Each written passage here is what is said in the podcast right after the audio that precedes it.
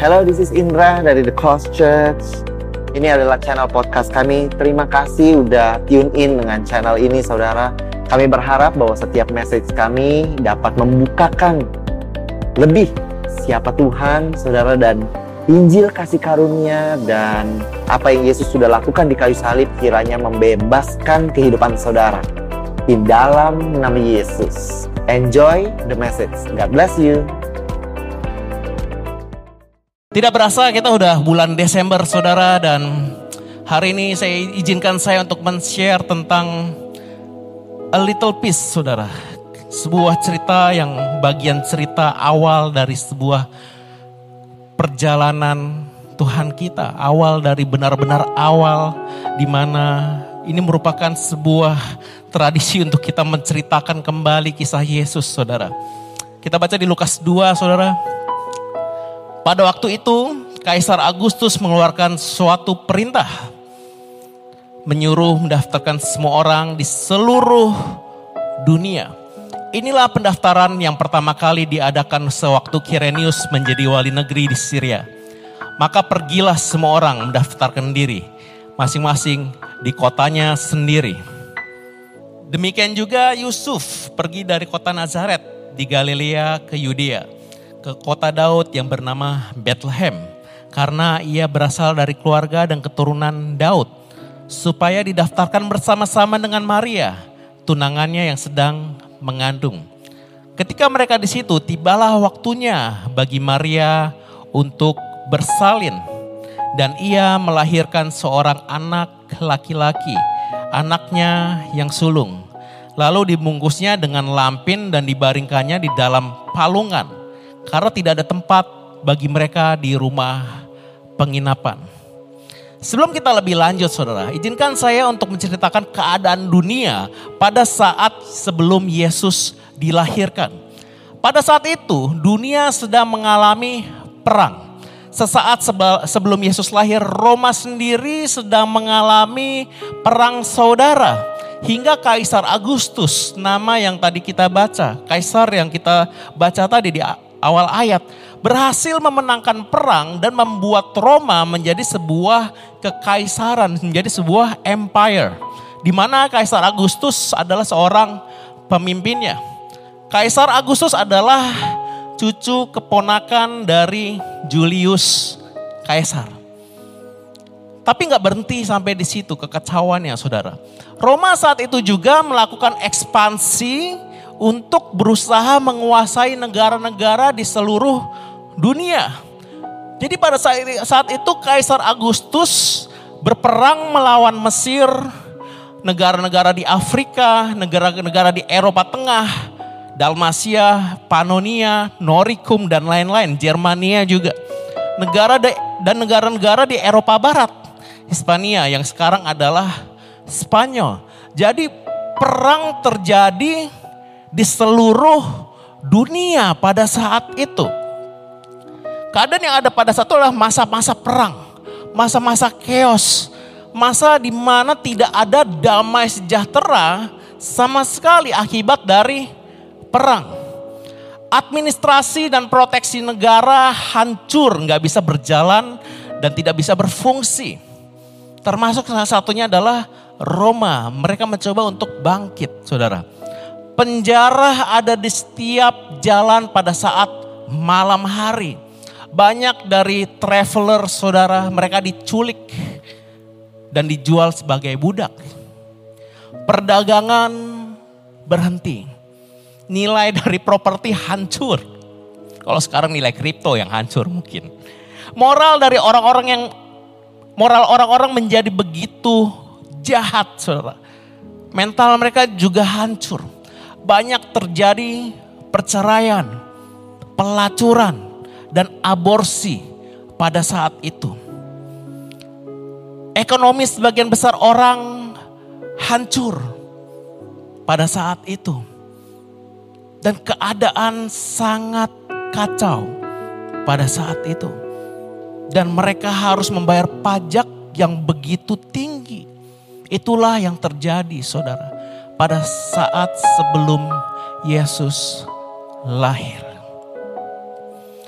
Lalu di saat yang hancur saudara. Di Lukas 2 ayat 8 sampai 14. Boleh kita buka? Di daerah itu ada gembala-gembala yang tinggal di padang. Menjaga kawanan ternak mereka pada waktu malam. Tiba-tiba berdirilah seorang malaikat Tuhan di dekat mereka. Dan kemuliaan Tuhan bersinar meliputi mereka dan mereka sangat ketakutan. Lalu kata malaikat itu kepada mereka, jangan takut sebab sesungguhnya aku memberitakan kepadamu kesukaan besar untuk seluruh bangsa. Hari ini telah lahir bagimu juru selamat, yaitu Kristus, Tuhan di kota Daud. Dan inilah tandanya bagimu, kamu akan menjumpai seorang bayi dibungkus dengan lampin dan terbaring dalam palungan. Dan tiba-tiba tampaklah bersama-sama dengan malaikat itu sejumlah besar bala tentara surga yang memuji Allah. Katanya, kemuliaan bagi Allah di tempat yang maha tinggi. Dan damai sejahtera di bumi. Bahasa Inggrisnya peace on earth. Ada damai di bumi. Di antara manusia yang berkenan kepadanya. Di saat yang sudah hancur saudara. Lalu tiba-tiba seorang malaikat datang kepada gembala. Malaikat itu berkata damai sejahtera di bumi. Damai sejahtera di bumi. Peace on earth. Tapi pada kenyataannya saudara. Tetap ada chaos, tetap ada kekacauan di bumi. Tetap ada ekonomi yang hancur. Tetap ada perampok di pinggir jalan tetap ada kemiskinan, tetap ada perang. Terlebih lagi, sesaat setelah Yesus lahir, ada sebuah cerita yang begitu kacau, begitu jahat setelah Yesus lahir di Matius 2 ayat 16. Kita baca saudara. Ketika Herodes tahu seorang raja bahwa ia telah diperdayakan oleh orang-orang majus itu ia sangat marah. Lalu ia menyuruh membunuh semua anak di Bethlehem dan sekitarnya. Yaitu anak-anak yang berumur dua tahun ke bawah. Sesuai dengan waktu yang dapat diketahuinya dari orang-orang majus itu. Bukannya tambah ada kedamaian, padahal malaikat itu berkata, ada damai sejahtera di bumi. Tapi pada kenyataannya, justru malah ada kekacauan lagi. Ada seorang raja yang ingin membunuh bayi Yesus. Saking dia ingin membunuhnya, sampai-sampai dia membunuh semua anak di Bethlehem dan sekitarnya.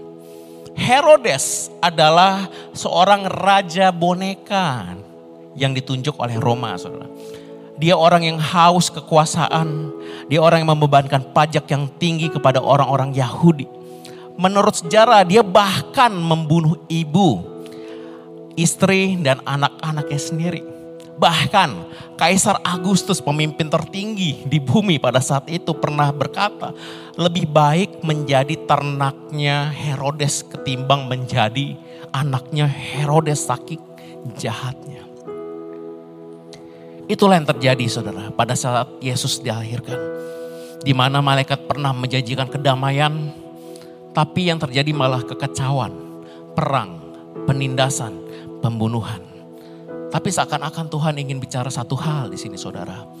Kekacauan di seluruh dunia, perang di seluruh dunia, raja yang mempunyai kuasa yang jahat, tidak mampu menggagalkan kehadiran Yesus, tidak mampu menyentuh bayi Yesus, tidak mampu membatalkan hadirnya seorang raja damai. Bahwa the most, the worst moment, saudara, the worst moment in the world cannot take away the perfect peace keadaan yang terburuk di dunia tidak bisa menggagalkan kehadiran seorang raja damai. Keadaan yang paling kacau yang ada di dunia tidak dapat menggagalkan kedamaian. Itulah Tuhan kita, saudara. Yang artinya apa, saudara? Ketika malaikat itu berkata damai sejahtera di bumi, bukan berarti, bukan berarti seketika juga itu kekacauan hilang Bukan berarti nggak ada perang. Bukan berarti nggak akan ada lagi kemiskinan. Bukan nggak ada lagi kelaparan. Bukan nggak ada lagi orang-orang jahat. Kekacauan tetap ada. Kalau di awal malaikat pernah bicara tentang damai saudara. Tapi di penghujung sesaat Yesus sebelum disalib. Setelah Yesus membasuh kaki para muridnya saudara. Yesus bicara lagi tentang damai sejahtera saudara. Di awal malaikat memulai dengan kata damai. Sebelum Yesus lahir dimulai dengan damai. Sesa, sebelum Yesus wafat Sebelum Yesus disalib, Yesus tutup lagi dengan satu kata lagi. Yohanes 16 ayat 33. Semua itu kukatakan kepadamu supaya kamu beroleh damai sejahtera dalam aku. Dalam dunia kamu menderita penganiayaan. Penganiayaan dalam bahasa aslinya adalah pressure, saudara tapi kuatkanlah hatimu, aku telah mengalahkan dunia. Kata penganiayaan dalam bahasa aslinya mempunyai arti kata pressure. Mungkin kita nggak harus sampai mengalami yang namanya penganiayaan saudara. Tapi pastinya saudara, pastinya semua daripada kita di tempat ini, siapa pun itu, siapa pun saudara yang nonton YouTube hari ini, kita semua punya namanya pressure, saudara. Kita semua yang namanya punya yang namanya beban, tekanan. Kita tertekan dengan keadaan finansial kita. Kita tertekan dengan keadaan hubungan relationship kita. Kita tertekan akan kebutuhan keluarga kita, saudara kita tertekan dengan mungkin status kita saudara. Ya mungkin hari ini saudara masih single. Kita tertekan, kita ter, terbeban. Dan perhatikan ayat tadi saudara. Yesus mengatakan dengan jelas. Boleh ditampilkan ayat yang tadi. Yohanes 16 ayat 33. Kamu akan mengalami pressure. Kamu akan mengalami penganiayaan So one thing saudara yang satu fakta yang perlu kita tahu saudara. Bahwa Tuhan menjanjikan damai. Bukan tidak adanya tekanan. God promises peace. Not the absence of pressure saudara. Pressure akan tetap ada. Perang akan tetap ada. Kita mempunyai beban untuk kita menanggung uh, finansial keluarga kita akan tetap ada, saudara. Saya boleh panggilkan Vanuel dan Yosi untuk boleh bantu saya dalam simulasi. Saya akan melakukan simulasi, saudara. Are you ready, Vanuel?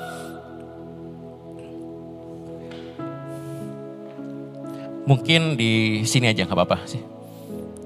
Boleh ambil yang itu satu dulu. Dan inilah beban kita saudara. Inilah beban kita. Awal kita lulus kuliah saudara. Uh, hidup kita bebannya ringan. Awal kita masih sekolah mungkin. Kita hidup tanpa beban saudara. Kita hidup masih kuat? Masih lah ya. Masih kuat ya. Oke 100 kali dulu. Enggak Mungkin kita hidup nggak banyak tuntutan saudara dan kita bisa mengangkat beban ini dengan sangat mudah saudara. Tapi seiring berjalannya waktu saudara, boleh diambilkan? Sering berjalannya waktu, sering berjalannya umur, ada beban yang kita tambahkan, yang kita dapatkan saudara.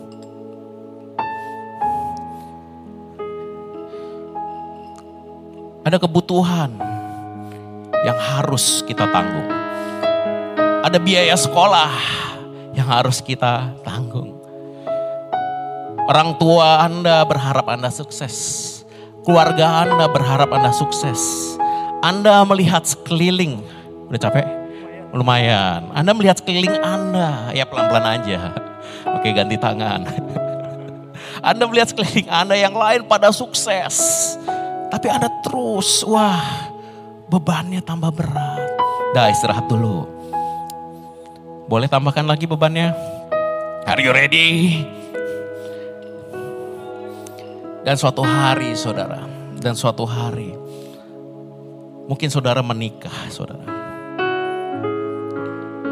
Terus ada biaya anak. Yang punya anak tahu sekarang uang sekolah minimal berapa saudara. Terutama yang tinggal di daerah BSD Gading Serpong saudara. Itu harga sekolah sudah sudah sangat berat sekali bagi saya. Terus di dalam bisnis saudara. Mungkin hari ini bisnis saudara bertambah. Bisnis saudara mungkin lebih besar lagi. Tapi bebannya juga makin berat saudara. Oke, bisa sendiri. Oke, dua tangan. Oke, nggak apa-apa, nggak apa-apa. Di, di jangan diangkat dulu, ditahan dulu aja. Saudara pikir ketika uang saudara bertambah, bebannya akan hilang. Tapi bebannya masih ada dan makin lama makin berat. Saudara ingin lepas dari beban ini. Saudara ingin hidup damai, saudara. Saudara ingin mempunyai the moment of peace. Saudara ingin mempunyai kedamaian, saudara. Dan saudara melepaskan beban ini, boleh ditaruh. Saudara melepaskan bebannya. Aku ingin lepas dari beban ini. Boleh balik dulu, nanti balik lagi ke sini, hati-hati. Saudara ingin lepas dari beban ini. Saudara ingin mendapatkan damai, saudara. Mungkin kita lari, saudara, dari beban ini dan kita lari ke narkoba. Kita lari ke seks bebas atau hal-hal negatif lainnya. Atau mungkin kita nggak lari ke hal-hal yang negatif. Mungkin saudara berharap liburan, wah ke Bali sebulan. Membuat saudara mempunyai the moment of peace. Atau mungkin saudara pindah kota. Atau bahkan pindah negara. Berharap saudara gak menanggung bebannya lagi saudara. I want to have peace. Aku ingin mempunyai the moment of peace. Dan saudara taruh beban ini. Saudara taruh definisi dunia. Peace adalah freedom from disturbance. Quiet and tranquility. Uh, tranquility. Meditasi saudara. Uh, di Bali, uh enak banget. Dua minggu gak mikirin kerjaan. The moment of peace saudara bisa dapatkan. Tapi kabar buruknya itu hanya temporary peace. It's only a temporary escape, saudara. Makanya mungkin ada orang-orang yang larinya ke narkoba, larinya ke seks bebas. Karena dia ingin melepas.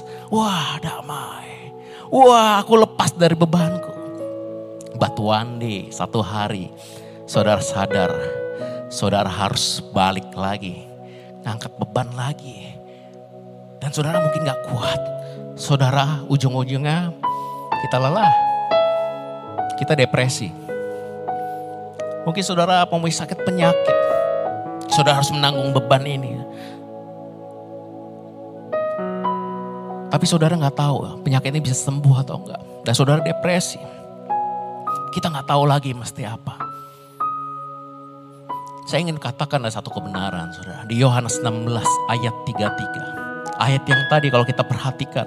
Semuanya itu kukatakan kepada supaya kamu beroleh damai sejahtera dalam aku. Dalam aku. Listen to this saudara. You are not supposed to have a moment of peace. You are supposed to live in peace saudara.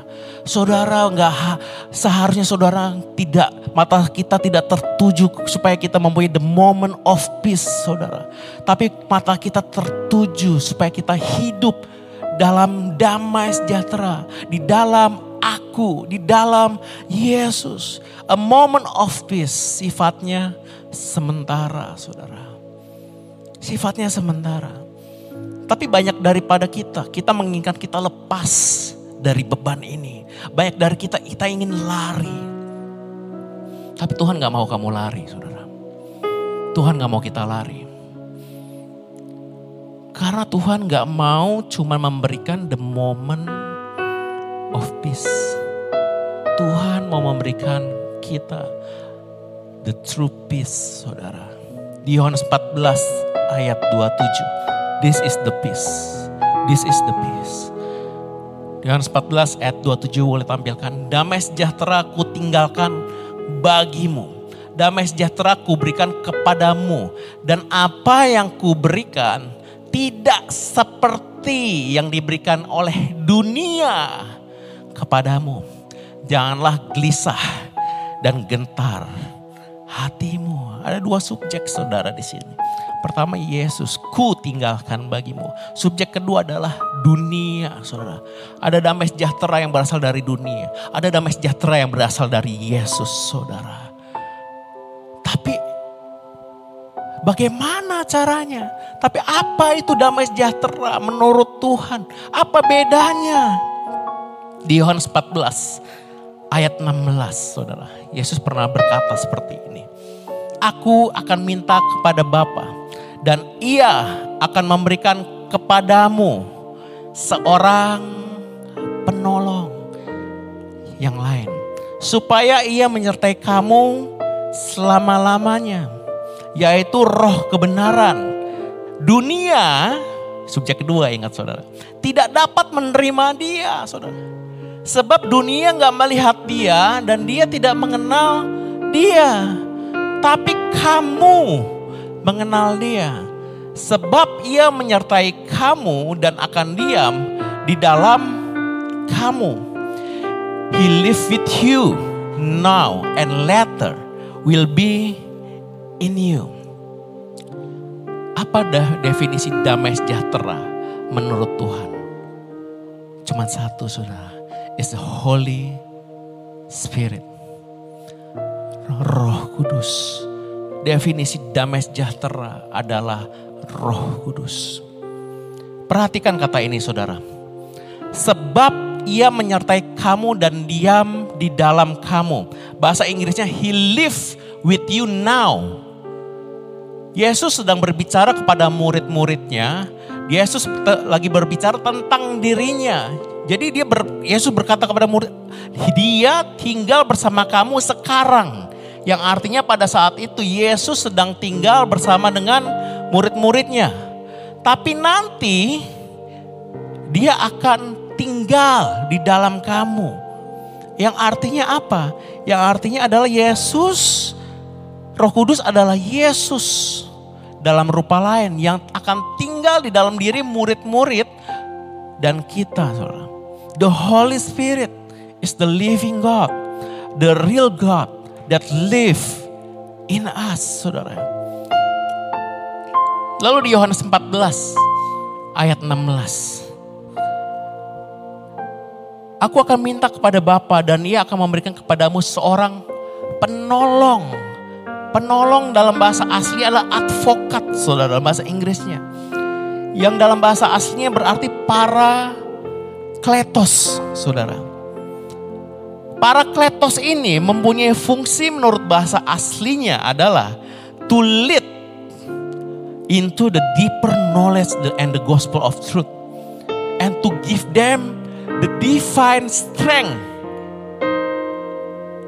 Advokat yang kita punya saudara mempunyai dua fungsi. Membimbing kita ke deeper knowledge, ke pengetahuan yang lebih dalam, ke kebijaksanaan yang lebih dalam. Dan yang kedua adalah to give the divine strength. Inilah yang Tuhan mau. Saya boleh panggilkan lagi Vanuel. Vanuel aja, Yosi nggak usah.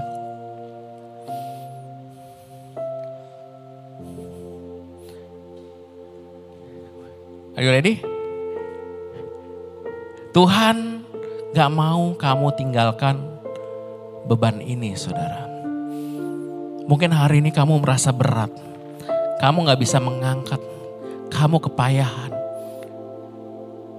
That's why ketika saudara merasa beban saudara ter, terlalu banyak saudara. Seek the Holy Spirit. He will help you. Bebannya masih ada kau pikul. Tapi kali ini ada divine strength, kekuatan yang dari surga yang akan membantu engkau saudara. So kalau tadi saudara sendiri, he live in you. Dia tinggal bersama di dalam engkau. Oh berat juga ya? Iya berat juga. He live in you. Makanya ada ayat suara, through Christ I can do all things. Makanya ada ayat lagi, pikulah kuk yang kupasang itu ringan, bebannya jadi ringan saudara. Makanya ada ayat lagi di dalam aku, kamu gak bisa berbuah. Makanya ada ayat lagi, aku akan memberikan engkau pertumbuhan 10, 20, 30 kali lipat. Oke saya gak kuat, butuh roh kudus yang lebih kuat ini. Oke boleh ditaruh. Bebannya masih ada saudara, bebannya masih ada.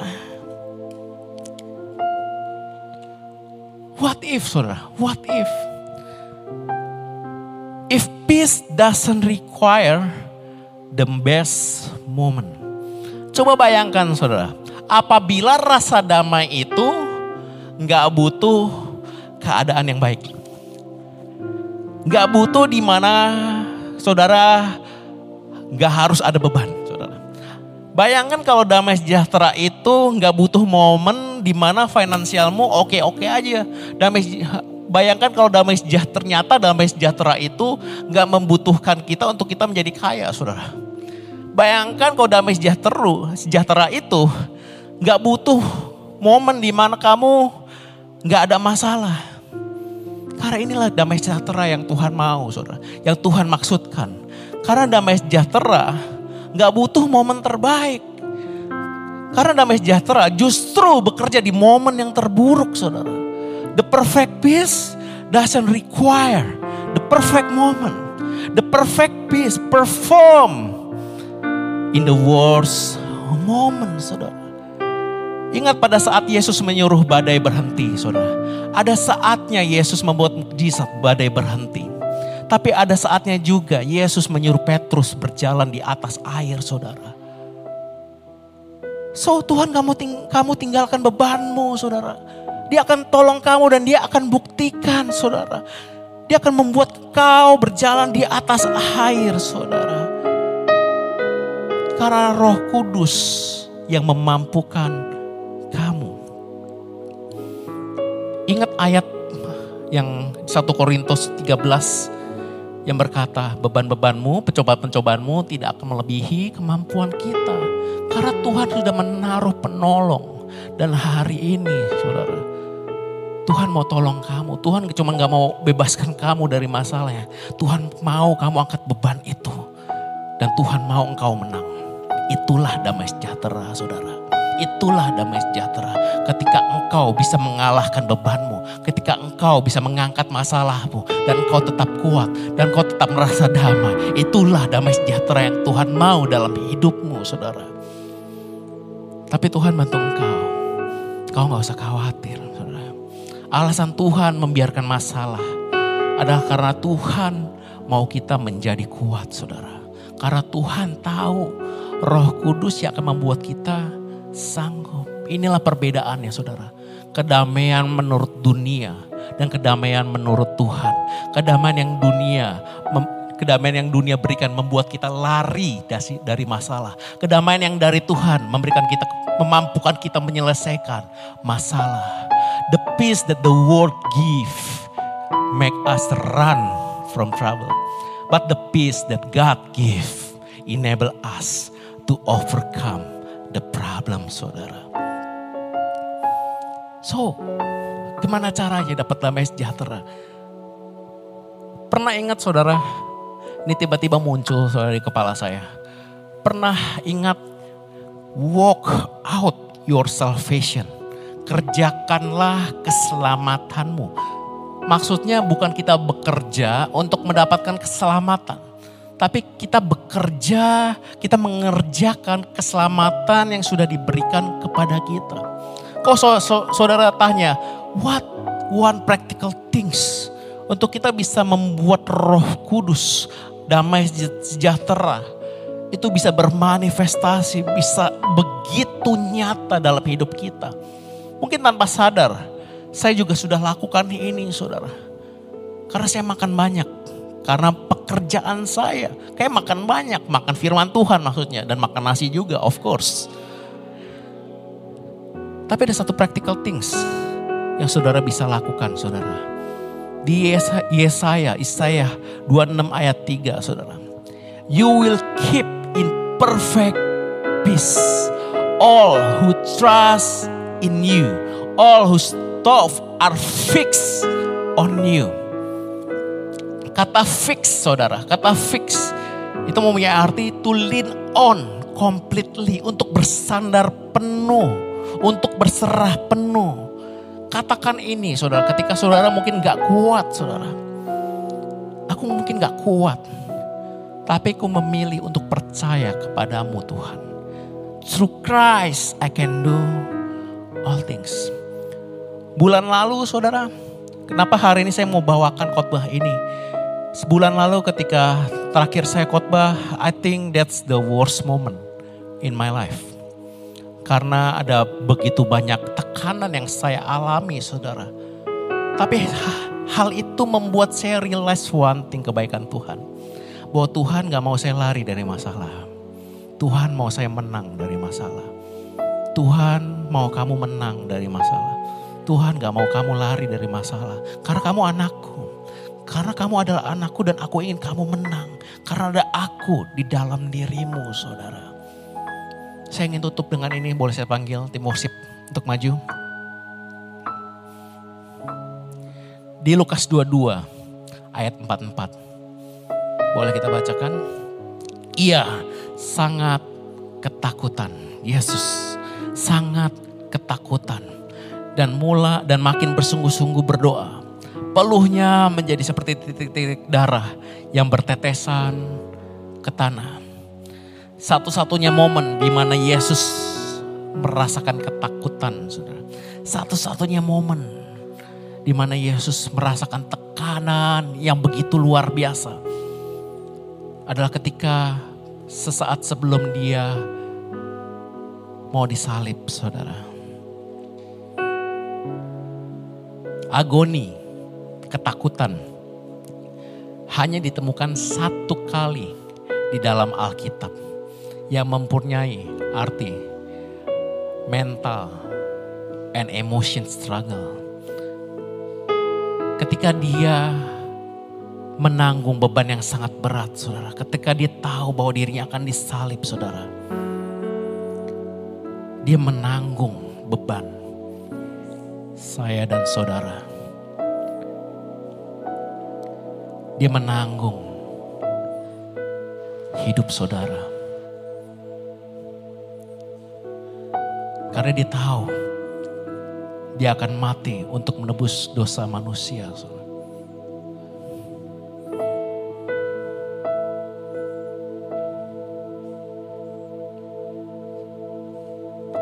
Dan dia menangis. Dan dia berkeringat darah. Sama seperti seorang bapak yang akan menanggung anaknya saudara. Dia begitu ketakutan. Mentalnya terserang saudara sebagai seorang manusia. Dikatakan hanya satu kali agoni ditemukan. Karena ini adalah sebuah kata yang begitu dalam, begitu kuat mengartikan sebuah kata ketakutan, saudara. Nggak ditemukan lagi kata ketakutan yang begitu dalam di dalam Alkitab, saudara. Dan dia siap pada saat itu. Dia menanggung um, dosa umat manusia dari seluruh dunia. Untuk saudara dan untuk saya. Saya tutup di ayat ini saudara. Dengan ayatnya Yohanes 16 ayat 7. Namun benar yang kau katakan ini kepadamu adalah lebih berguna bagi kamu jika aku pergi. Sebab jikalau aku tidak pergi, penghibur itu tidak akan datang kepadamu. Tapi jikalau aku pergi, aku akan mengutus dia kepadamu. Kalau maksud Tuhan seperti apa? Kalau aku nggak mati untuk anakku, kalau aku nggak disalib demi kamu, kalau aku nggak mati, kalau aku nggak disalib, kalau aku nggak dipecut, kalau aku nggak menanggung salib ini, anakku nggak akan hidup. Anakku nggak akan bisa menanggung beban. Anakku nggak akan bisa hidup dengan damai sejahtera. Aku perlu mati. Aku perlu pergi. Supaya anak-anakku hidup. Aku perlu pergi. Supaya kamu hidup.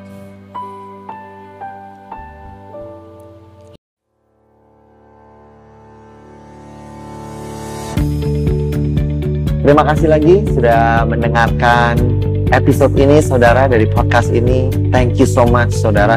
Saya berharap bahwa Injil kasih karunia dan apa yang Yesus sudah lakukan bisa membebaskan kehidupanmu saudara. Kalau saudara diberkati, saya mengundang saudara untuk share saudara um, sermon ini baik secara pribadi pada your friends and your family saudara atau you can screenshot dan kau bisa bagikan kepada sosial media saudara dan jadilah terang saudara. I hope um, message ini melalui saudara bisa memberkati lebih banyak orang lagi. Dan kalau saudara diberkati, saya mengundang saudara untuk subscribe kepada channel podcast ini. Again, I want to thank you. Berterima kasih kalau saudara mendengarkan dan mengizinkan dirimu diberkati dari apa yang kami lakukan. Terima kasih, Tuhan berkati. God bless you and bless you and bless you again. In Jesus' name. Amen.